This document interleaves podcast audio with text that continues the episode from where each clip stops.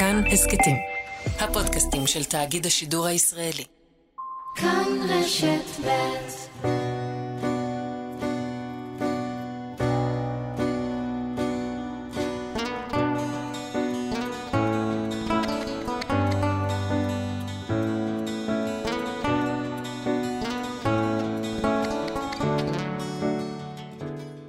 שלום, אתם מאזינים להסכת שניים עם אשכול נבו.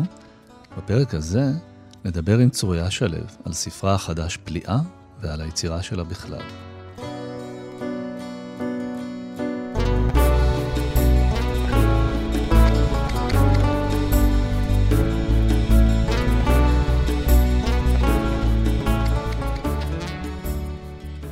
הסופרת צרויה שלו נולדה בקבוצת כנרת. פרסמה שבעה רומנים, ספר שירה וספר ילדים. ספריה זיכו אותה בפרסים רבים, תורגמו ל-28 שפות והיו לרבי מכר בארץ ובעולם. הספר החדש של הפליאה ראה אור לפני כמה חודשים וזוכה לביקורות משבחות ולהצלחה יוצאת דופן אצל הקוראים. אשוחח עם צרויה על הספר הזה, על כתיבה בכלל ועל אהבה ומשפחה כפי שהיא רואה אותם.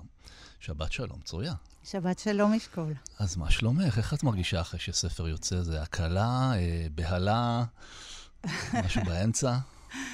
זה הכל יחד. טלטלה, הקלה, בהלה, אנחנו פה בחריזה. כן. אה, מה עוד אני יכולה להוסיף?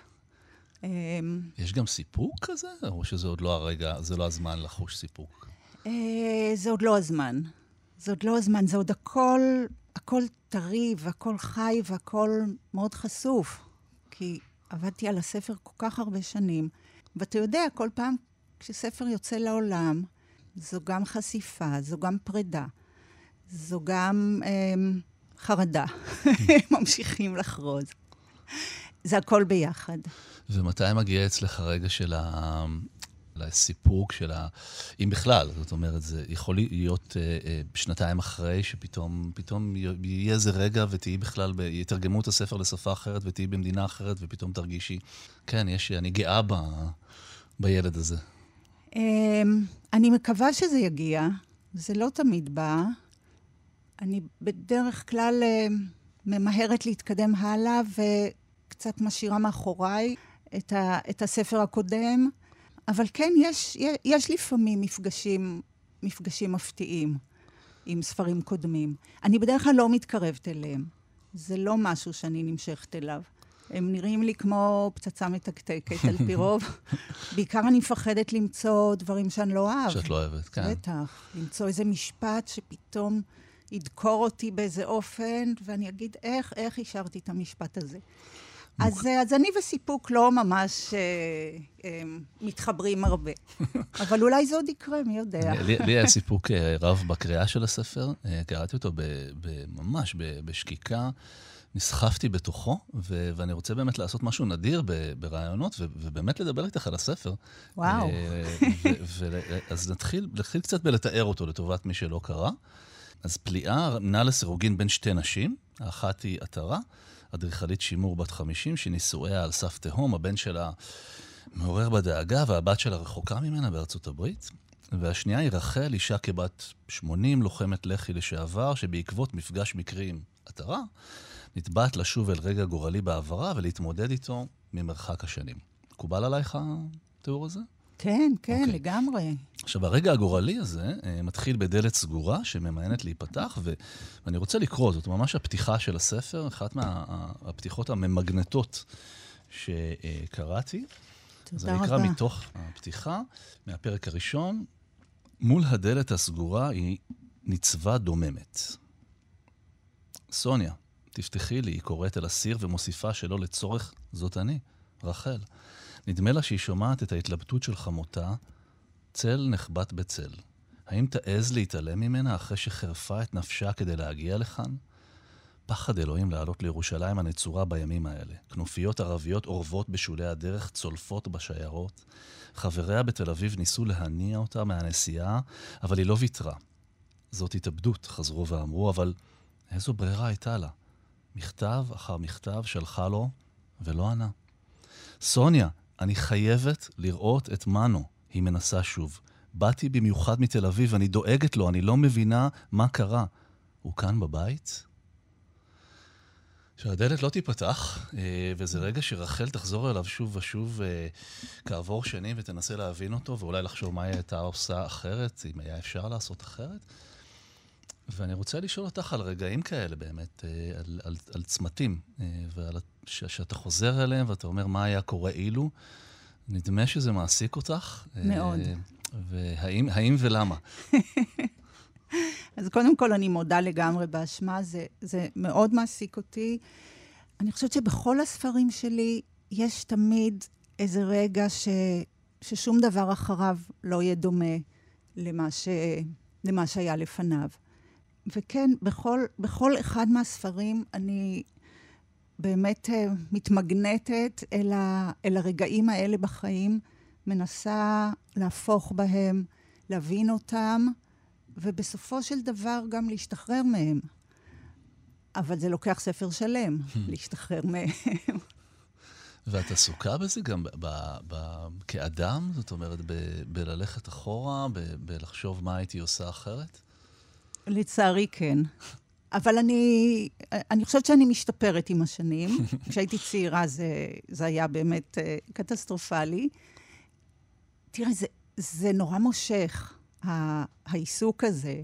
זה קצת מזוכיסטי כמובן, אבל יש בזה גם משהו מושך וגם מפעיל את הדמיון, כשאפשר לראות לאחור את כל הדברים שהיו יכולים להתרחש. עכשיו, ברור שזה גם מענה. אז לכן אני משתדלת באמת לשמור את זה לאפיקים הספרותיים. ו... והספרות זה מדיום נהדר לבחון את כל המורכבויות האלה וכל האפשרויות האלה. בלי וה... לשלם מחיר, זאת אומרת, אתה בתוך מה היה קורה אילו, ואתה חי את האילו השני, ואתה לא נכון. לא משלם מחיר. למרות שיש מחיר בכתיבה. אני בהחלט מרגישה, לא מתלוננת בכלל, אבל, אבל כן יש מחיר רגשי. כי כשאני מתארת את החוויות הרגשיות של, ה, של הגיבורים שלי, אני באמת חווה אותם. ממש.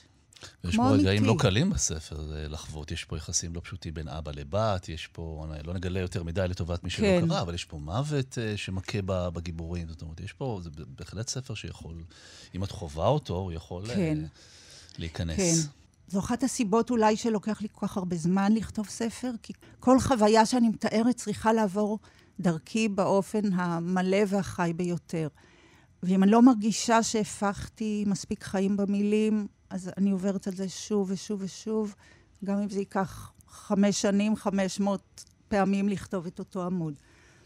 ולכן, אני לא אומר שאין מחיר, אבל ברור שעדיף לחוות פרידה, נניח, אה, ספרותית, מאשר, בדמיון, כן. מאשר אה, פרידה בחיים. אני כן. באמת, אחד מהדברים שחשבתי עליהם כשקראתי את הספר בפעם הראשונה, זה באמת הפער בין העובדה שאנחנו משוחחים לאורך השנים, ואת מספרת לי על תהליך כתיבה מייסר וארוך, ו- וגם מתלבט, אה, המון התלבטויות בדרך, ואני כקורא חווה איזו חוויה של קליחות כזאת ו- ושטף. זה ספר שסוחף אותך מהשורה הראשונה שלו, ו- ונדמה שהוא נכתב ביד קלה.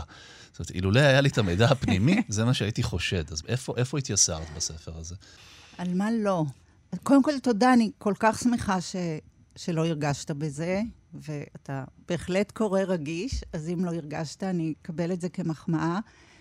טוב, זה העניין באמת, אה, שכולנו כולנו משתדלים באמת אה, שלא יראו את המאמץ בסוף, וכמובן שזה מאמץ כפול, גם להתאמץ וגם אחר כך לעשות שלא יראו, אבל זה, זה חלק מהמטלות הכתיבה וחלק מתענוגות הכתיבה גם, אני חושבת, כי זה לא רע להתאמץ. אבל כן, בספר הזה, אני מודה, קיטרתי לך לא פעם לאורך השנים, ואני חושבת שזה הספר שהכי היה תובעני, הכי מכביד, למה? הכי קשה. הוא הכי הציק לי. זה כמו הילדים, אתה יודע, כל אחד, ומה, כל אחד ו... בא לעולם uh, עם האופי שלו. ומה בילד הספציפי הזה היה כל כך uh, מאתגר? זה, זה התחקיר שנדרש? זה, זה המצבים הרגשיים של הדמויות? קודם כל, זו, זו הדמות של רחל, שהייתה לי מאוד לא נגישה בהתחלה, והיו שלבים בספר שחשבתי אפילו להוציא אותה, להתרכז רק, רק בדמות של הטרה. לקח לי שנים להאמין שהיא באמת קיימת, להאמין שהיא באמת חיה ולהניע אותה, לאפשר לה לעבור תהליך רגשי. כי בלי תהליך רגשי, אם אני משאירה אותה קפואה, אז אין בזה טעם. והיא בהתחלה הייתה קפואה, והאידיאולוגיה שלה הקשתה עליי. לא רק התוכן עצמו, אלא עצם היותה אישה כל כך אידיאולוגית. אידיאולוגית כן. וכל כך נוקשה, שכל חיי היומיום והאימהות, כל שאר אה, אפיקי החיים אה, נראו לה טפלים, לעומת המאבק על המולדת. ומה לי ולה, לכאורה? אני כל החיים ברחתי מדמויות כאלה, היו לי מספיק כאלה במשפחה, ו... ואני באמת, אה, לא היה לי קל להתקרב אליה. אבל אני מקווה שהצלחתי בסוף. אבל זה באמת לקח הרבה מאוד זמן עד שהרגשתי מספיק, אה, מספיק קרובה אליה כדי להתפתח איתה. זה היה אתגר אחד. והיו עוד המונים. כן, גם התחקירים, כל הסיפור של לח"י, שהיה היה מרתק, אבל כדי להצליח לכתוב על משהו... איך מתחקרים את הלח"י היום? זאת אומרת, אפשר למצוא עדיין אנשים שמספרים את החוויות ממקור ראשון, שהיו שם כשזה קרה? תראה, עוד אפשר למצוא, אבל האמת שאני אני העדפתי להסתפק ביוטיוב. אני אה, מעדיפה כמה שפחות לפגוש אנשים בזמן הכתיבה. יש איזה מין אה, חומרה כזאת מינימליסטית, וכל מפגש מאוד מסיח את הדעת. וגם יוצר אה, איזו מחויבות רגשית, או איזה קשר. אה, חששתי להסתבך. אז איך מתחקרים את הלח"י ביוטיוב? קודם כל, אה, יש הרבה רעיונות בסדרה תולדות ישראל. יש, יש הרבה רעיונות עם לוחמים, לוחמות. אני חושבת שראיתי את כל הרעיונות אה, שאפשר היה. וגם הרבה ספרים, תולדות הלח"י. כמובן, סיפורה של לוחמת, של גאולה כהן, שזה ספר שפגשתי בגיל מוקדם ומאוד השפיע עליי. רק אחר כך חשבתי שאולי, שאולי משהו בכתיבה של הספר הזה מתחבר גם לחוויית ילדות שהייתה לי בזמנו עם גאולה כהן, עם סיפורה של לוחמת. ועוד, אני כבר לא זוכרת, אבל גם על הלח"י וגם על רבי נחמן. זהו, יש, על... יש, יש לנו את רבי נחמן מברסלב, ויש לנו את הלב ואת המעיין, ויש לנו גם בספר שני חוזרים בתשובה. אנשים שקרובים אל הדת, ואת כותבת את, ה, את החזרה בתשובה בהמון אמפתיה, ובאיזה, גם אה, רואה את הקסם שבזה ואת היופי שבזה. ושאלתי היא, האם קורייך אה, צריכים לחשוש שאת מתחזקת? אה, לא, לא, לא. לא, לא, אין, אין חשש כזה בכלל, ואני חושבת שגם בספר, נכון שמאוד נמשכתי לסיפורים האלה של, של רבי נחמן. אני בהתחלה לא רציתי אותם, אגב. כשהגיעה הדמות של עמיחי והתדפקה על דלת הספר, שזה הבן של רחל, כן. החוזר בתשובה, אני ממש לא פתחתי לו את הדלת, ואמרתי לו, תלך לספר אחר, זו לא הטריטוריה שלי, זה לא התחום שלי. לא מתעסקת ביהדות ההלכתית, לא מתעסקת בחזרה בתשובה, יש סופרים אחרים, אבל הוא התעקש. ובסוף קיבלתי אותו, כי למדתי עם השנים לסמוך על האינטואיציות. אחרת אני אהיה משותקת, אם אני לא אוכל לסמוך עליהן. והכנסתי אותו לספר, והוא הביא איתו באמת אה, סיפורים מקסימים ומעניינים וגם מקוממים. אני לא חסידה שוטה, וגם הגיבורות שלי בספר הן לא... מתקוממות מול מאוד זה. מאוד מתקוממות, כן. לפחות רחל. היא רואה ברבי נחמן מברסלב האויב המר שלה. אז אני מתעסקת בזה בכל מיני זוויות, אבל עדיין הם, התחושה שלי, זה התחזק בספר הזה, אבל אני חושבת שבכל הספרים שלי אפשר לראות את הכיוון של לאמץ אל ליבנו את העושר היהודי, את העושר הספרותי של היהדות, העושר הרוחני של היהדות, בלי אה, לחזור בתשובה, בלי להסתגר, בלי לשנות את חיינו, אלא פשוט אה, להעשיר ולהעמיק אותם בעודנו חיים את חיינו החופשיים. זה הכיוון מבחינתי, זה מה שאני משתדלת לעשות, כן. גם בחיים, גם בספרים, ו... והלוואי שזה יתקדם קצת. טוב, אם יורשה לי לומר, אמן. אמן. אני, אני, אני, אני מסכים איתך. אני רוצה להיכנס איתך לתוך הבית, לתוך המשפחה, למערכות יחסים. אני חושב ששם גם היכולת שלך לדייק בניואנסים של מערכות יחסים היא, היא באמת מעוררת פליאה. וה... הרבה ניסיון. אז זהו, אז בהקשר הזה של ניסיון, יש לי שאלה על זוגיות ושאלה על, על משפחה. הזוגיות של עטרה, ואני יכול לקרוא לה עטרה? זה אפשר אה, כן, אני קוראת לה להרגיש כבר עטרה. קרובים מספיק? לגמרי, עטרה, כן, אוקיי. אז עטרה. עטרה ואלכס, יש להם זוגיות מאוד מעניינת, ש, שמבוססת על הקנטות. זאת אומרת, הם מקניטים אחד את השני, הם מקניטים ו, ומתקוטטים ו, ומתעמתים.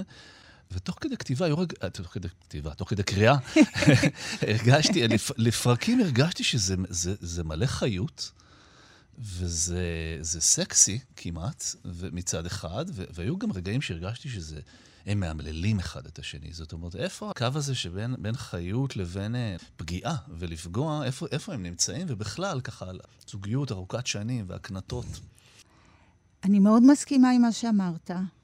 אני חושבת שכשזה התחיל אצלם, אז היה בזה, כאילו כשהם התחילו את הקשר, כמובן זו פנטזיה, אה, חלום גדול שנשבר, אם כי לא נשבר לרסיסים. אולי, אולי הוא נסדק, כי זאת הייתה אהבה גדולה, והם פירקו, כל אחד פירק את משפחתו כדי לחיות יחד.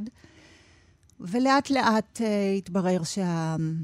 הסיפור הרבה יותר קשה, וזה לא בהכרח יהיה יותר קל מהנישואים הראשונים, אולי אפילו ההפך, וכל תהליך ההתפכחות שאני אה, באמת מלווה בספר. והיחסים, היחסים שהם יוצרים ביניהם הופכים עם הזמן להיות יותר ויותר קטנוניים ויותר תחרותיים, וזה באמת מתחיל כאיזה קינטור חינני, אבל אני חושבת שלאט לאט זה באמת הופך לאיזה מין מאבק על העליונות המוסרית. יש מאבק כזה בזוגיות, נכון? מי, מי, האדם היותר טוב? מי ההורה היותר טוב? כן. בטח. כן.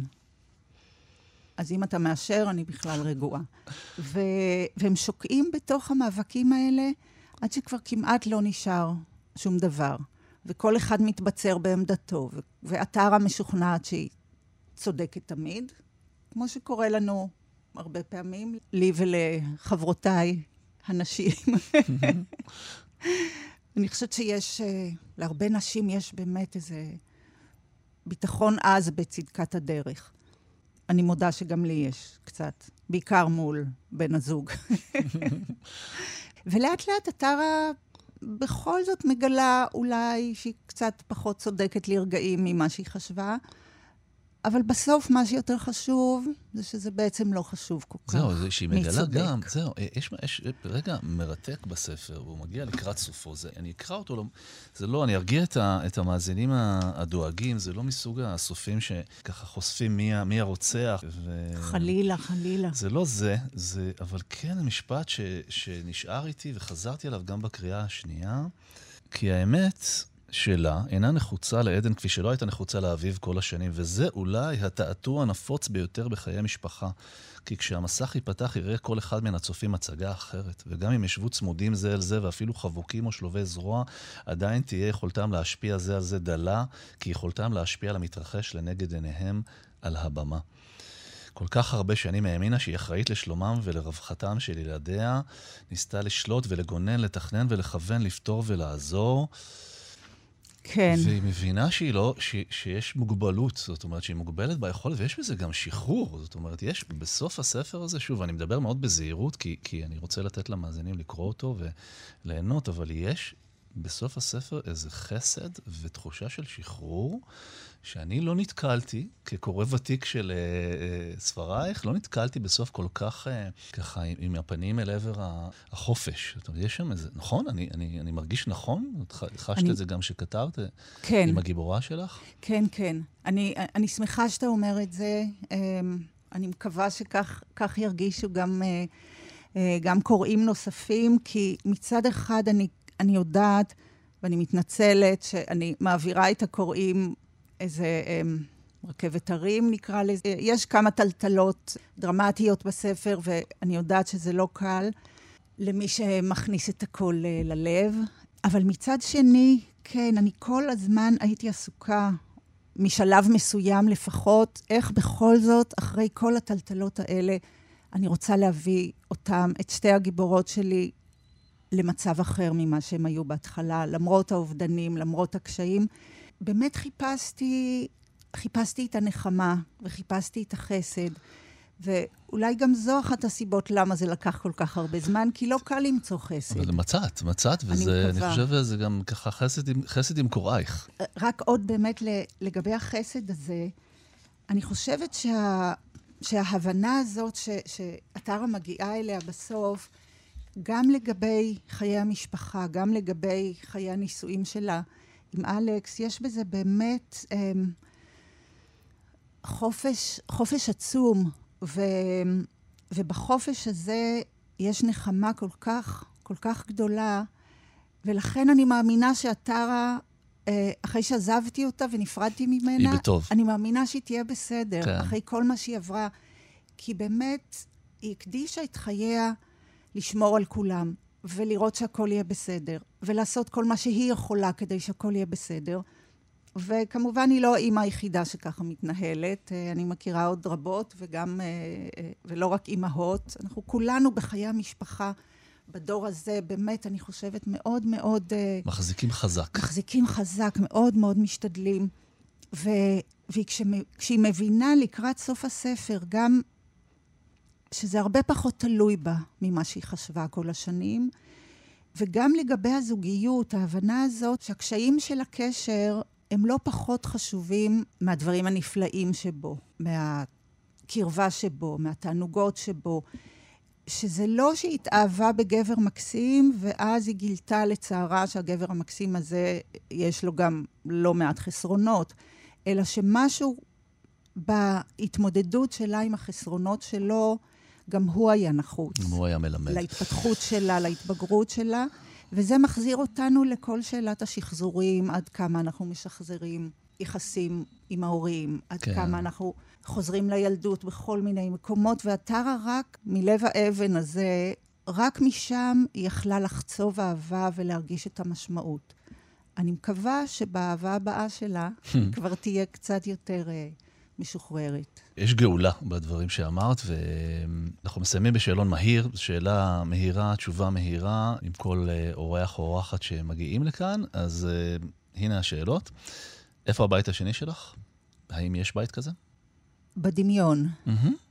בדמיון אני חוזרת תמיד לבית הראשון שלי. שהיה? לבית ברל. בבית ברל, אוקיי. כן. אם היית חיה בתקופת המחתרות, לאיזה מהן היית מצטרפת? הלח"י, האצ"ל או ההגנה? Hmm. לא ללח"י. לא לאצ"ל, או להגנה, או שהייתי נשארת בבית. היא קצת פחדנית. אוקיי, אם את חייבת לבחור, אין ברירה, חיפה או ירושלים? כרגע חיפה. חיפה. אמ, בפני איזה מאכל את לא יכולה לעמוד? Mm, כן. יוגורט עיזים עם לחם טרי. יוגורט עיזים עם לחם טרי. אה, מה היית עושה אם לא היית סופרת? עובדת סוציאלית. נשמע לי מתאים. אה, מה העצה הכי טובה שנתת לילדייך? תמיד לשמוע בקול אימא. אוקיי, ושאלה אחרונה, אה, אם היית זוכה בסכום כסף עצום ורב, שמאפשר לך באמת לחיות איך שאת רוצה, מה היית משנה בחייך, אם בכלל? אני חושבת שהייתי... אה, הייתי לוקחת אולי כמה שנים הפסקה מהכתיבה, הייתי רוצה לעבוד עם ילדים, כעובדת סוציאלית, עם ילדים פגועים, באיזה מרכז חירום. יש לי חלומות כאלה. מעניין, זה ממש, זה מחזיר אותנו לתחילת השיחה עם הצומת והבחירה ולחזור אחורה למה שלא, לחיים שלא חיית. כן. אז, אז נאחל לך ש, שתוכלי ללכת בכל השבילים האלה, או לפחות בחלקם, וממש ממש לסיום, אה, שבת בבוקר, אה, אחרי התוכנית, יש זמן, יש איזה מין נחת כזאת בשבת.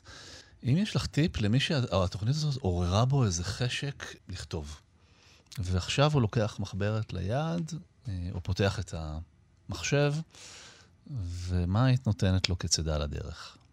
אז קודם כל הייתי אומרת לו להתחיל לכתוב, בלי לחשוב, בלי לתכנן, לא לחשוב את מי זה מעניין, לא לחשוב כמה זה שווה, מה זה שווה. פשוט להתחבר אל הקול הפנימי ולכתוב מהר. אני מאוד מאמינה ב, בכתיבה מהירה כמו דהרה של סוס, לפחות ב, בהתחלה. אז להתחיל לדהור, אחר כך תמיד יש זמן לתקן ולשפר ו... ולעשות מזה ספר. אבל קודם כל לדהור. עצה נהדרת, אה, אז מיד להתחיל לדהור, מיד בסוף התוכנית, וכמובן, אה, אחרי, ש, אחרי שתדהרו, אתם יכולים בנחת לקרוא את הספר החדש של צרויה, פליאה. תודה רבה שבאת אה, לשוחח איתי. תודה, תודה רבה לך.